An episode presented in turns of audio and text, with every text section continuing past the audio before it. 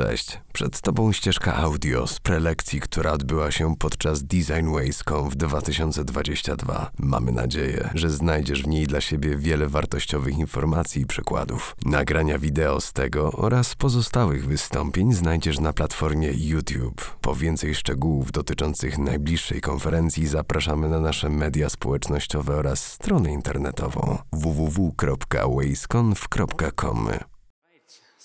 No i dobrze. Bardzo chciałem się dzisiaj z wszystkimi spotkać. Dziękuję bardzo za zaproszenie. Będziemy mówić o budowaniu doświadczeń związanych z produktem odnośnie zrównoważonej przyszłości. Jak my, projektanci, możemy stać się agentami zmiany? To jest pytanie, które zadawano już dawno temu. Zanim się w to wgryziemy, chciałbym zadać parę pytań po to, żeby lepiej się z Wami zapoznać. Pierwsze będzie brzmiało: czy uważacie, ledwo widzę moje slajdy, bo projektor daje po oczach. Czy uważacie, że zrównoważenie czy projektowanie odgrywają pewną rolę, gdy a, mówimy o zrównoważeniu? Ręka w górę, kto uważa, że jak chodzi o wszystkie kwestie zrównoważenia, to projektanci mogą w tym odegrać, a nawet odgrywają pewną rolę. Kolejne. Czy uważasz, że jesteś już jako projektant wyposażony w pewną wiedzę, czy cokolwiek po to, by wpisać zrównoważenie do produktów, które tworzysz? Czy uważasz, że masz odpowiednie umiejętności, zestaw umiejętności warsztat? No, tu nie widzę wielu rąk u góry. Dobra. Kolejne, czy uważasz, że IT, czyli telewizja, telefon, nasze komputery i to wszystko odpowiada za więcej niż 10% Twojego śladu węglowego? Jeżeli uważasz, że to jest ponad 10%, łapka w górę. Wszystko to, co używamy elektronicznego, informatycznego, włączamy w to smartfon i resztę. No to się dowiedzmy.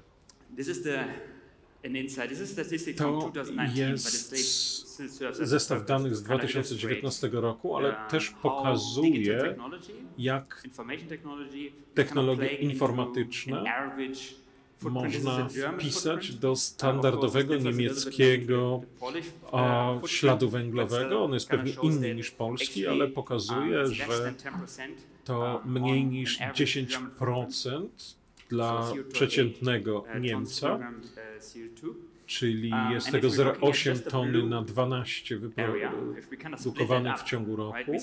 Jeżeli byśmy to niebieskie rozbili, zobaczylibyśmy, że tylko część tego to nasze wykorzystanie urządzeń, część to ich produkcja. Widzimy, że IT to mniej niż 10% naszego śladu węglowego, możemy powiedzieć. To chyba nie jest wielka rola w produkcji dwutlenku węgla i może nie jest to aż tak ważne pytanie. Ale ja uważam, że to tak naprawdę jest z tym wszystkim zupełnie inaczej. I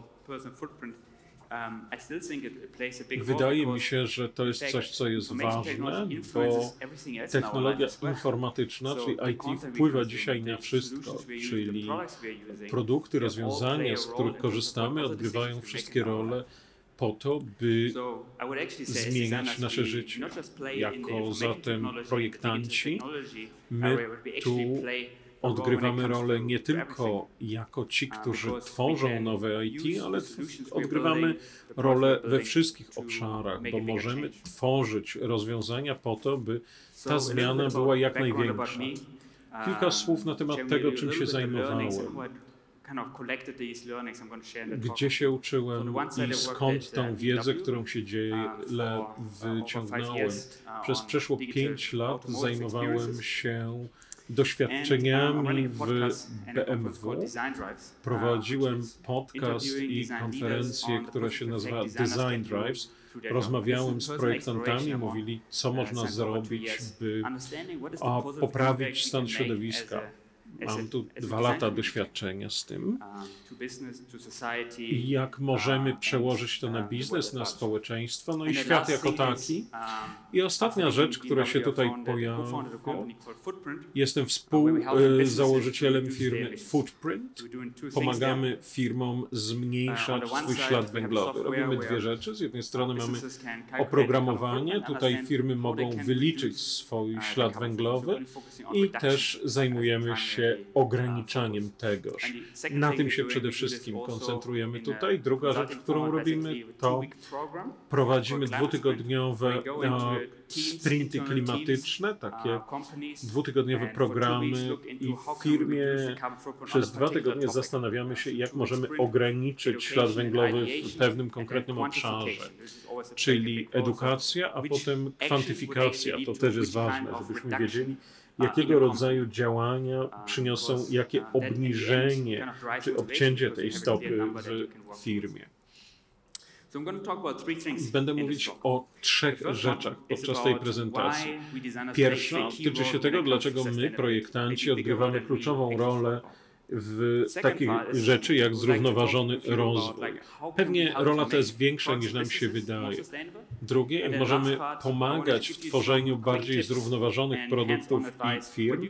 I jeszcze kilka takich szybkich podpowiedzi, co można zrobić, żeby te projekty, którymi się zajmujemy, y, emisje. really No cóż, to co jest naprawdę ciekawe i czym powinniśmy się zająć tym, że internet jest największą rzeczą, którą zbudujemy jako gatunek. Um, I Jest to nasz wspólny wysiłek, wszyscy go tworzymy.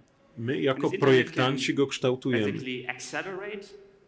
Internet może przyspieszać stworzenie or tej bardziej zrównoważonej przyszłości, ale może też nam bardzo poważnie zaszkodzić, jeżeli nie będziemy go w odpowiedni sposób wykorzystywać.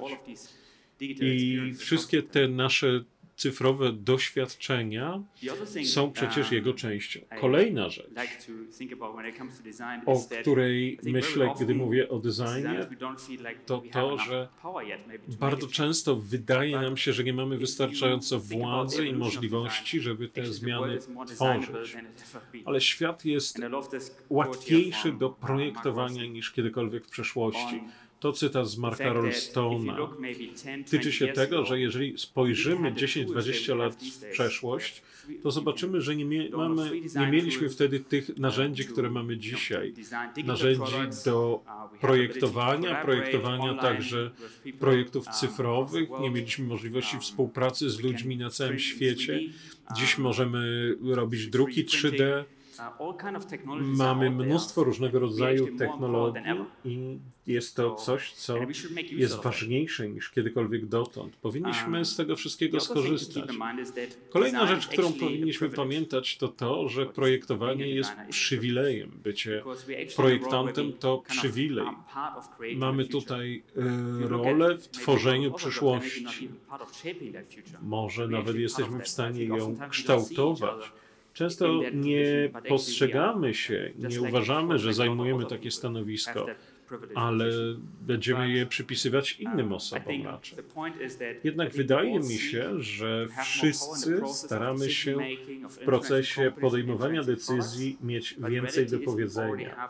W rzeczywistości wygląda tak, że mamy tutaj znacznie większą decyzyjność niż wielu innych ludzi. I powinniśmy się tak właśnie traktować. Kolejna rzecz, na którą zwracam tutaj uwagę, to to, że mamy tutaj bardzo duże zainteresowanie ze strony firm, by przechodzić w kierunku zrównoważenia. Chodzi o to, by takie działania wpisywać do strategii, a potem je wykonywać. I to są kroki, które my możemy podjąć jako designerzy, po to, żeby przejść z potrzeb rynkowych, z, z tego typu rozważań.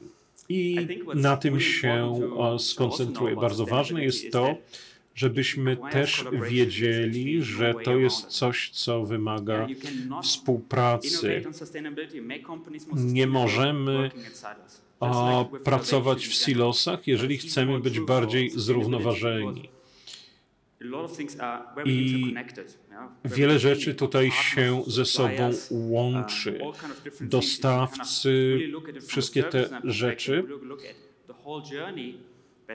Jeżeli postrzegamy je z punktu widzenia całej podróży, a nie pojedynczych jakichś elementów, to będą to rzeczy, które widzimy, że wiążą się z biznesem także innych firm. I to była jedna z tych rzeczy, które dla nas były bardzo ważne, bo y, widzimy, że te wszystkie rzeczy, które nas otaczają, wymagają współpracy, zwłaszcza te, które pozwalają nam na wdrożenie zmiany, na stworzenie świata bardziej zrównoważonym. I być może będziemy tutaj mieć bardzo dużo też innych jakichś możliwości, priorytetów, działań do wykonania i dlatego będziemy musieli tutaj współpracować między zespołami. Jeżeli wprowadzamy ludzi do procesu i mówimy im, że chodzi o to, żeby ograniczać e, ślad węglowy, będą bardziej zmotywowani do tego, bo tworzymy w tym momencie pewną atmosferę współdzielenia własności tego typu podejścia, tego typu też osiągów. Oczywiście zawsze chcemy, by biznes był zrównoważony, ale żeby ludzi zmotywować, musimy ich zebrać i samemu jako projektant musimy zrobić krok do tyłu, pozwolić, by to inni się pochwalili swoimi pomysłami, a my możemy tylko wspomóc i skatalizować ten proces, który oni będą tworzyć. I w firmie nie zrobimy ani kroku do przodu, jeżeli inni będą tylko musieli nas słuchać, jeżeli będą to nasze pytania, przynajmniej jeżeli przynajmniej nasze pomysły, przynajmniej jeżeli inni będą to w ten sposób widzieć. Oczywiście my możemy ten pomysł rozwijać, ale wszyscy muszą czuć, że oni też są odpowiedzialni za ten proces tworzenia, że są jego częściami, jego współtwórcami. Co robimy podczas tego typu dyskusji? W jaki sposób możemy znaleźć sposoby na to, by wprowadzać zrównoważenie? Oczywiście wiemy, że tutaj musimy tworzyć jakieś pożądanie, innowacje, możliwość. I ta innowacja jest w centrum tego wszystkiego. Jeżeli chcemy teraz postępować drogą win-win, czyli taką, że wszyscy będą a, zwycięzcami, musimy stworzyć produkt, który będzie ogólnie pożądany. Jeżeli chcemy wygrywać, musimy albo przeciągnąć na swoją stronę inżynierów, ewentualnie stworzyć coś, co będzie bardzo możliwe, łatwe do wykorzystania. Musimy zrozumieć tutaj te poszczególne strony, które w tym procesie występują. Problem polega na tym, jak chodzi o zrównoważenie, że nie ma kogoś, kto siądzie przy naszym stole i będzie się zajmował zrównoważeniem. Więc trzeba stworzyć taką sytuację, w której wszystkie strony będą z tego procesu coś mieć, ale najwięcej będzie korzystać zrównoważenie. Możemy też uznać, że zrównoważenie jest częścią wszystkich innych procesów. Czyli jeżeli firma chce się rozwijać, musi mieć KPI takiego, by ludzie, którzy zajmują się poszczególnymi obszarami, takimi jak pożądanie tego produktu, mm, współpracowali ze sobą i podczas dalszej części mojej prezentacji zobaczymy kilka sposobów, na jakie można zrównoważenie połączyć z możliwością stworzenia czegoś, czy z użytecznością tego. I to jest właśnie ta strategiczna dyskusja na temat y, projektu. Po to, by stworzyć taką strategię, w której wszyscy jesteśmy zwycięzcami, musimy mówić językiem wszystkich interesariuszy, wszystkich uczestników, a to wymaga empatii wobec użytkowników, ale musimy też mieć tego typu empatię także wobec wewnętrznych interesariuszy. Jeżeli naprawdę mamy empatię i naprawdę rozumiemy tę część, to zastanówmy się, jakie są cele tych ludzi, co pozwala im pracować. Jeżeli to zrozumiemy, będziemy w stanie pójść z nimi daleko. Bardzo często korzystają z innego języka. My, jako projektanci, wiemy, jak o różnych koncepcjach mówić i rozmawiamy o nich z innymi projektantami. Natomiast jeżeli będziemy rozmawiać z ludźmi spoza naszego bąbelka, musimy adaptować się, dostosowywać do ich języka. I to jest bardzo ważne, zwłaszcza po stronie biznesowej. Musimy zastanowić się, jak stworzyć, jak sformułować swoje rozwiązanie, by mówić językiem biznesu. Jednym z pomysłów jest na przykład kwestia związana z ryzykiem. Można korzystać ze zrównoważenia także wtedy, gdy mówimy o obniżaniu ryzyka w przyszłości biznesu.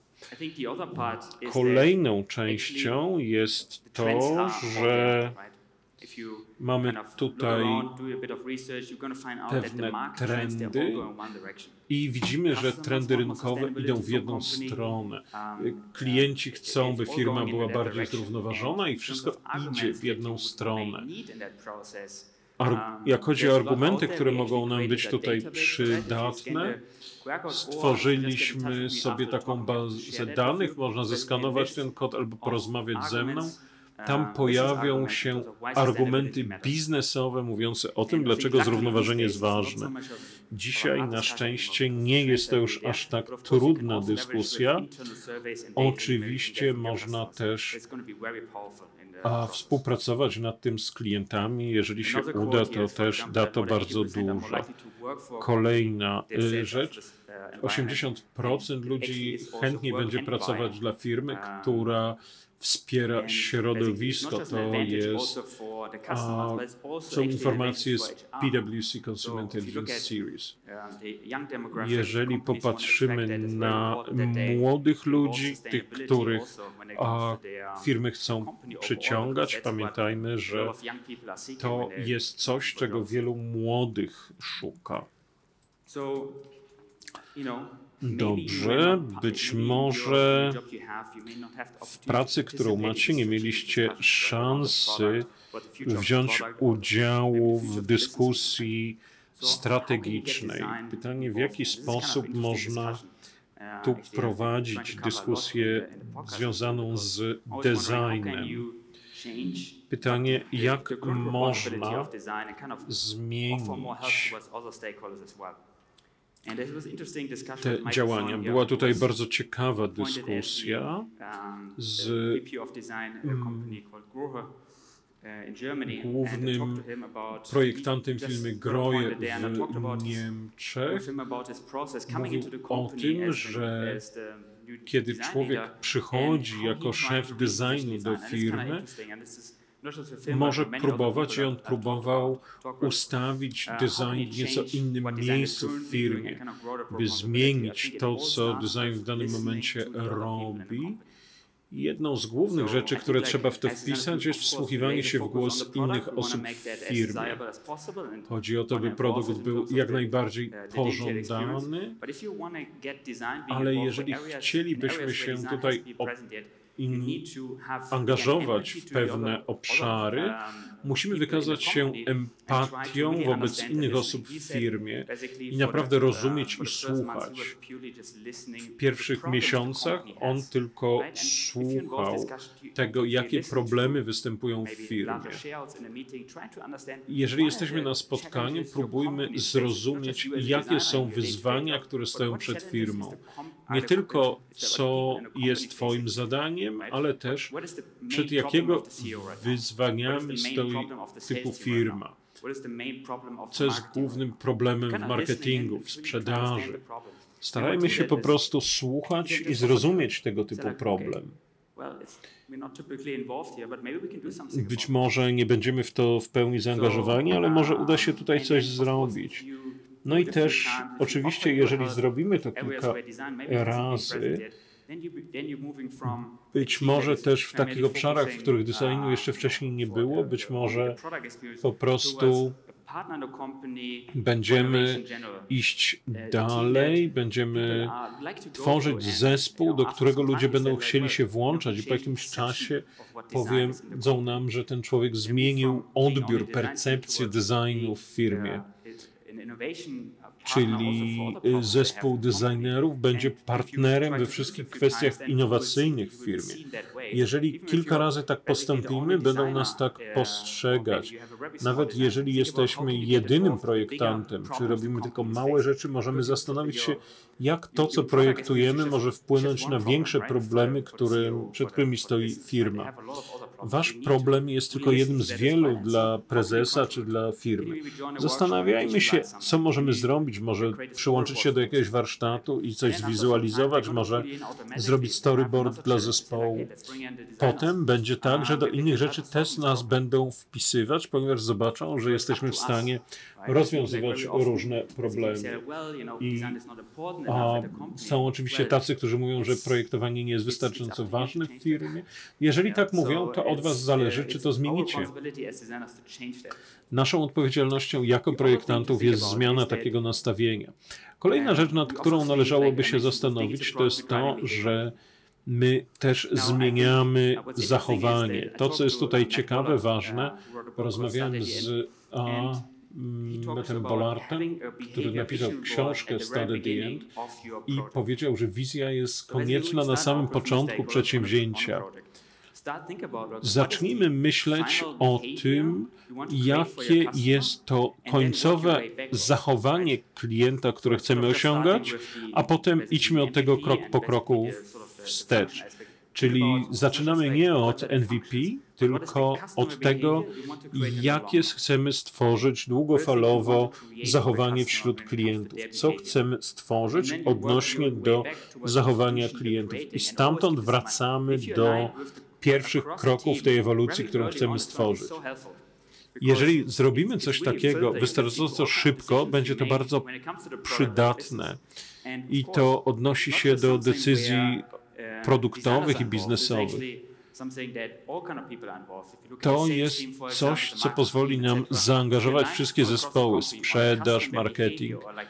Jeżeli będziemy tutaj tworzyć pewne zachowanie, każdy do tego zachowania będzie mógł mieć swój przyczynek. I tu możemy sobie zadać pytanie, co zrobić, żeby zrównoważenie stało się tutaj tym kluczowym aspektem w nowym produkcie czy w nowym y, doświadczeniu marki na przykład. To, czego się nauczyłem na podstawie tych wszystkich dyskusji, to to, że my jako designerzy mamy taką super moc. Tą super mocą jest coś, o czym często zapominamy, bo jest to dla nas zupełnie naturalne, mianowicie jesteśmy świetni w materializowaniu tego, co abstrakcyjne. Więc jesteśmy w stanie zespołowi pomóc wyobrazić sobie, jak można coś stworzyć, zanim jeszcze zostanie napisany kod.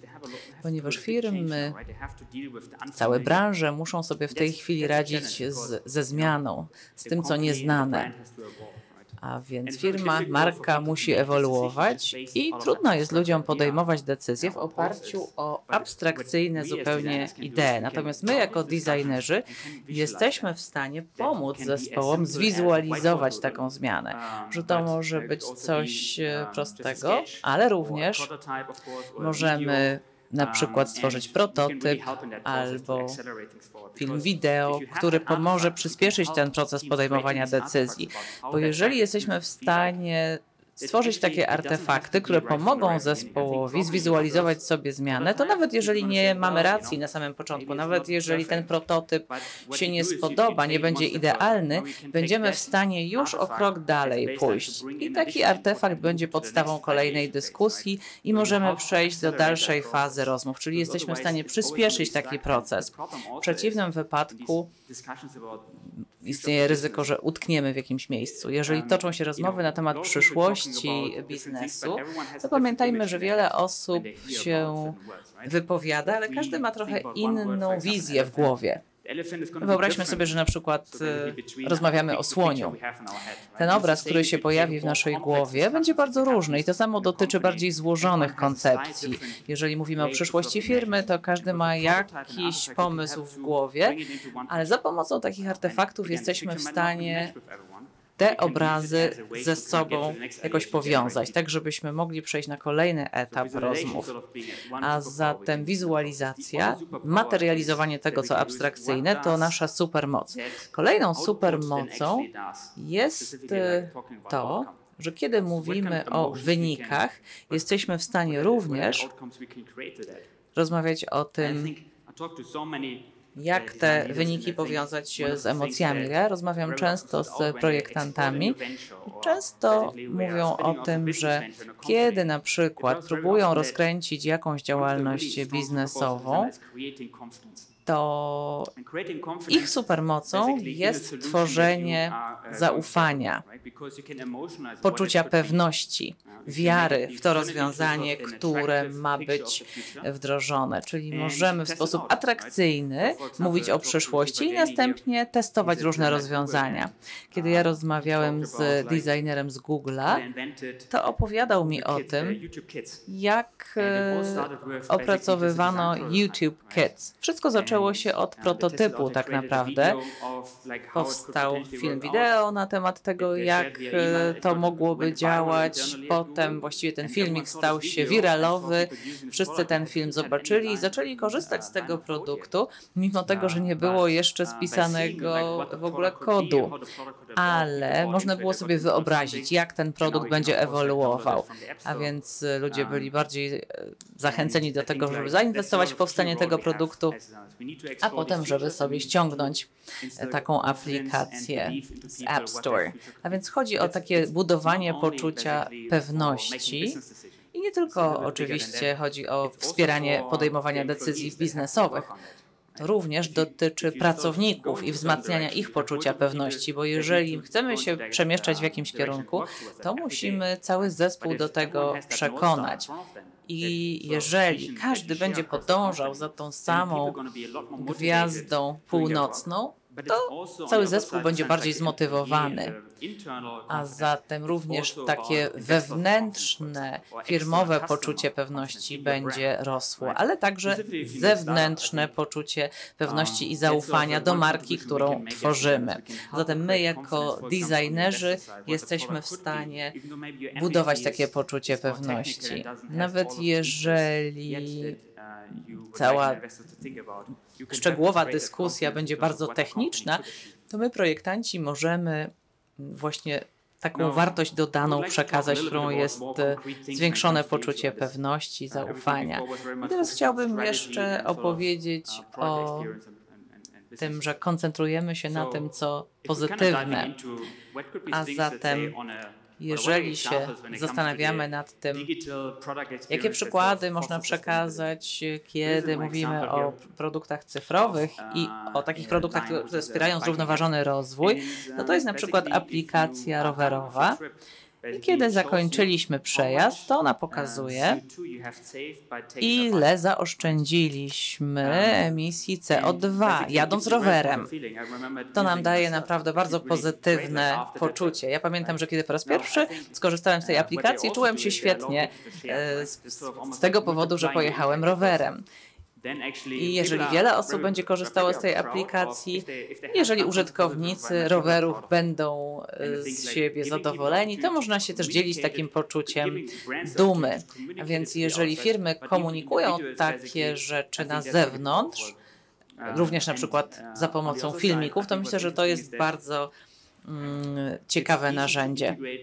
Również po konwersji łatwiejsza jest integracja, czyli na przykład jeżeli myślimy o swoich klientach i o doświadczeniach klientów z korzystania z produktów cyfrowych, to pamiętajmy, że wszystko, co było przed kon konwersją, To są informacje, które chcemy również pokazać użytkownikom. I po konwersji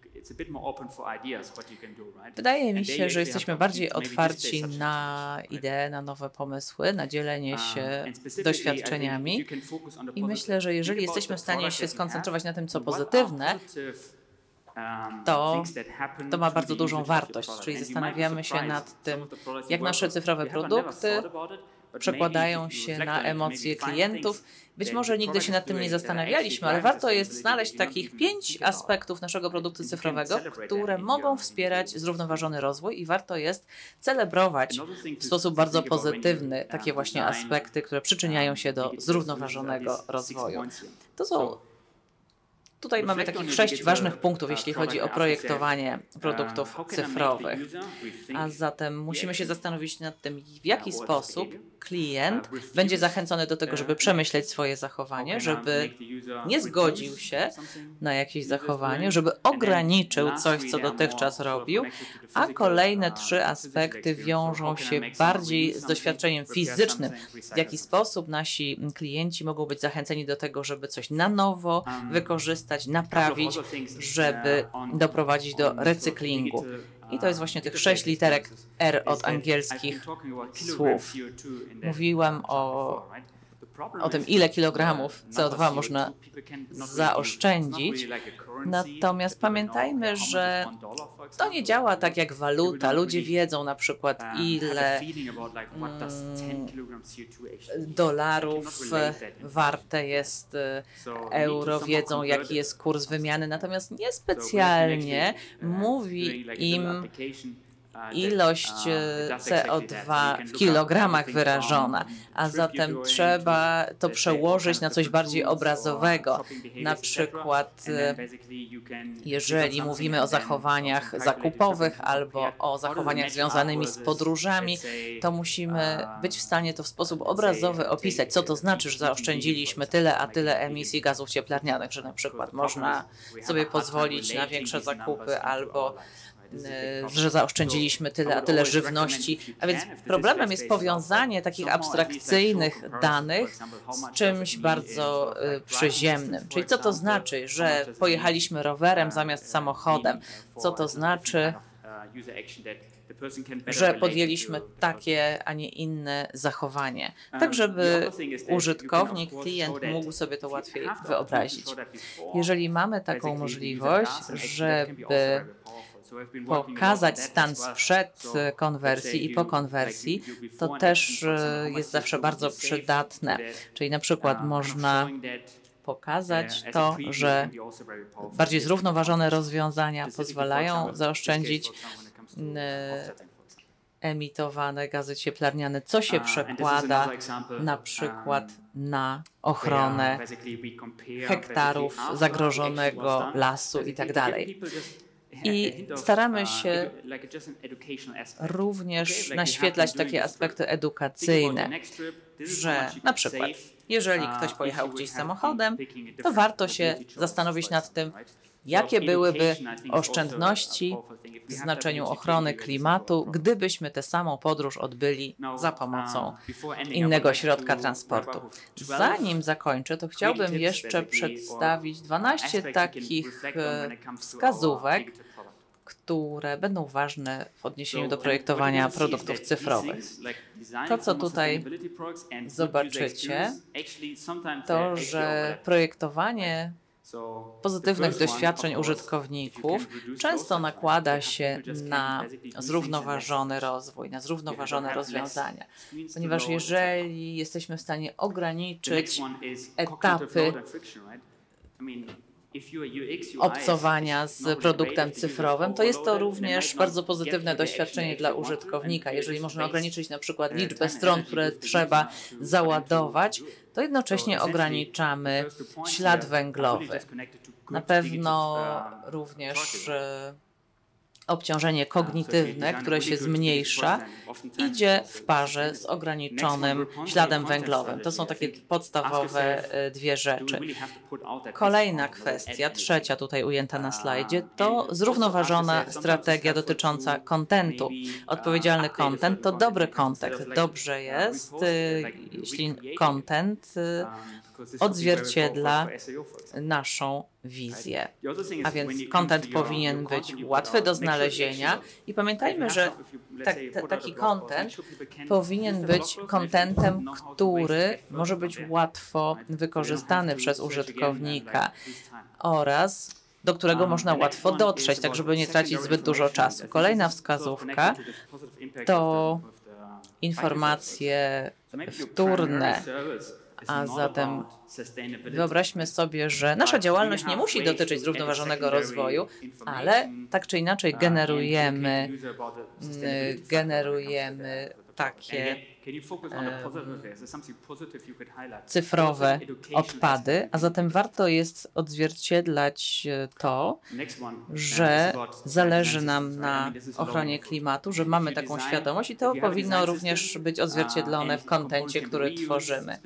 Kolejna wskazówka to systemy projektowania.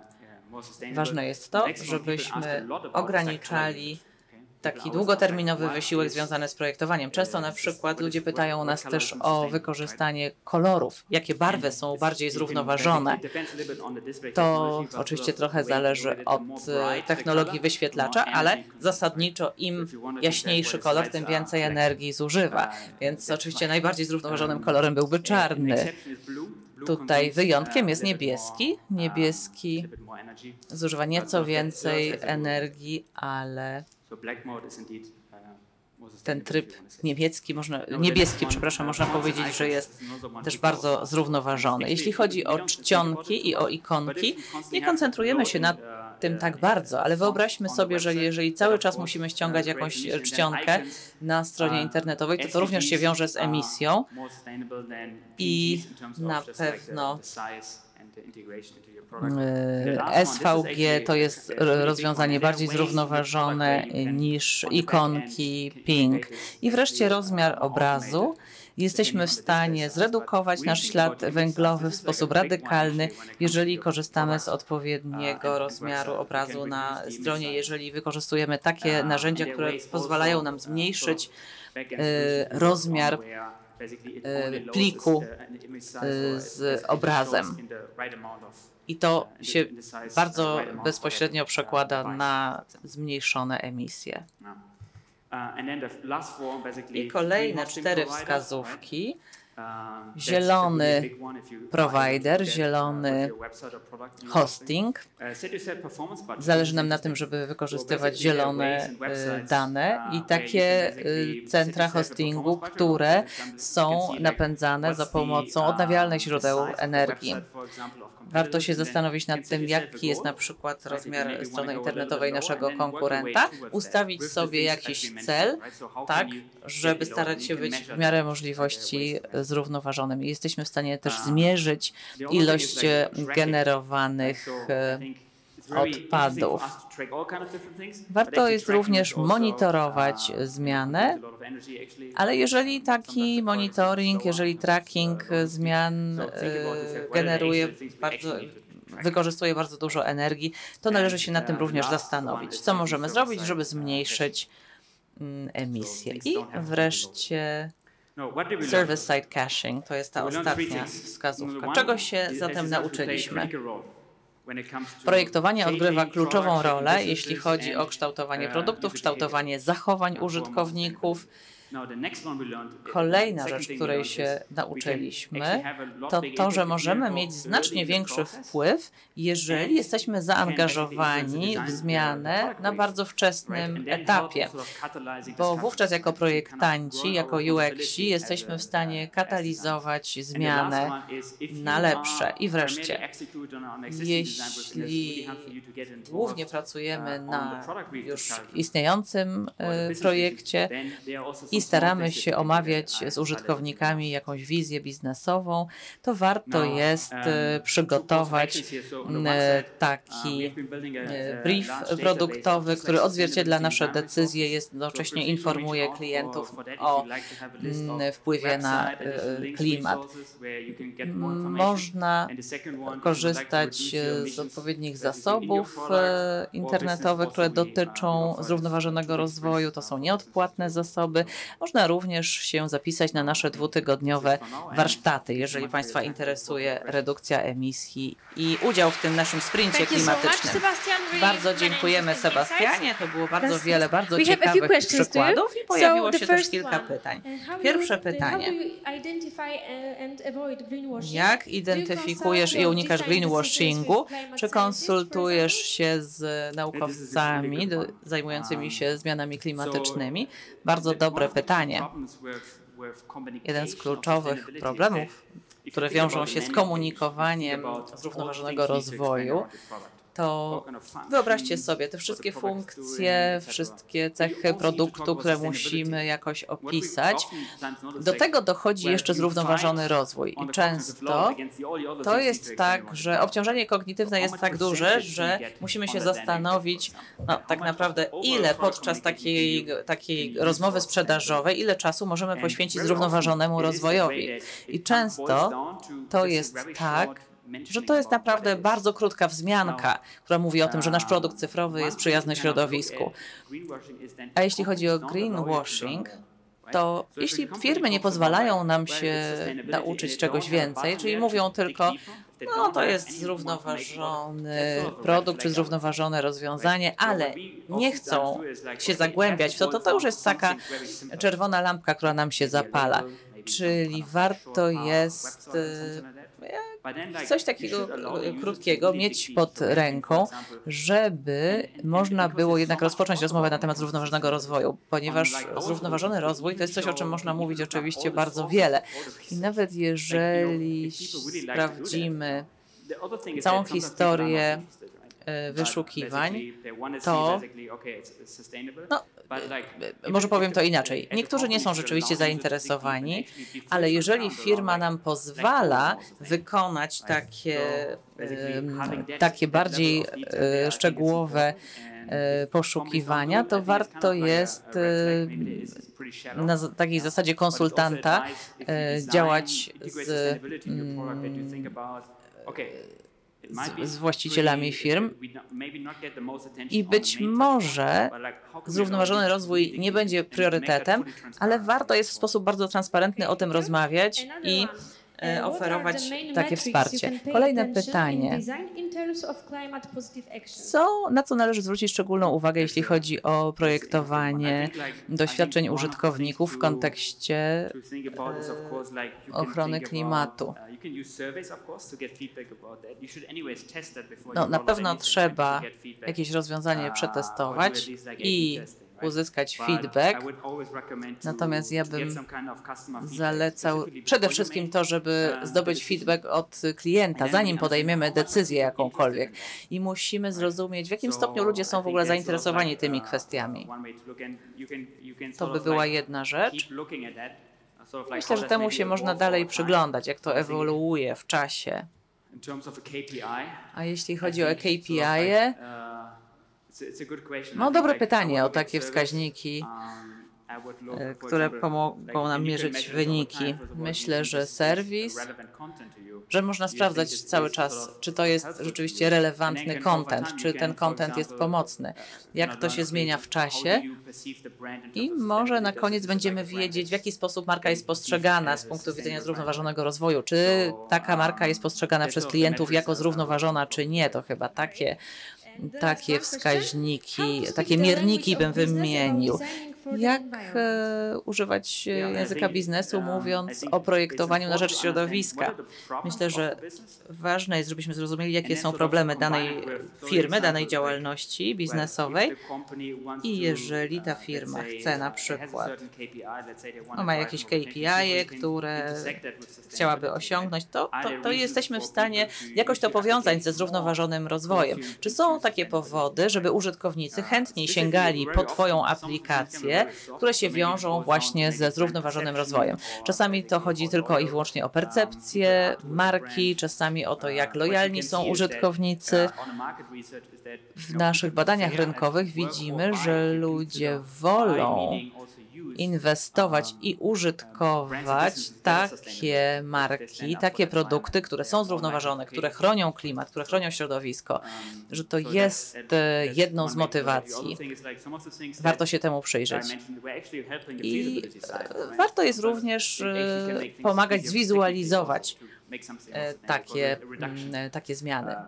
To w jaki sposób e, redukcja emisji mm, może być zwizualizowana przez projektantów, warto się nad tym zastanowić.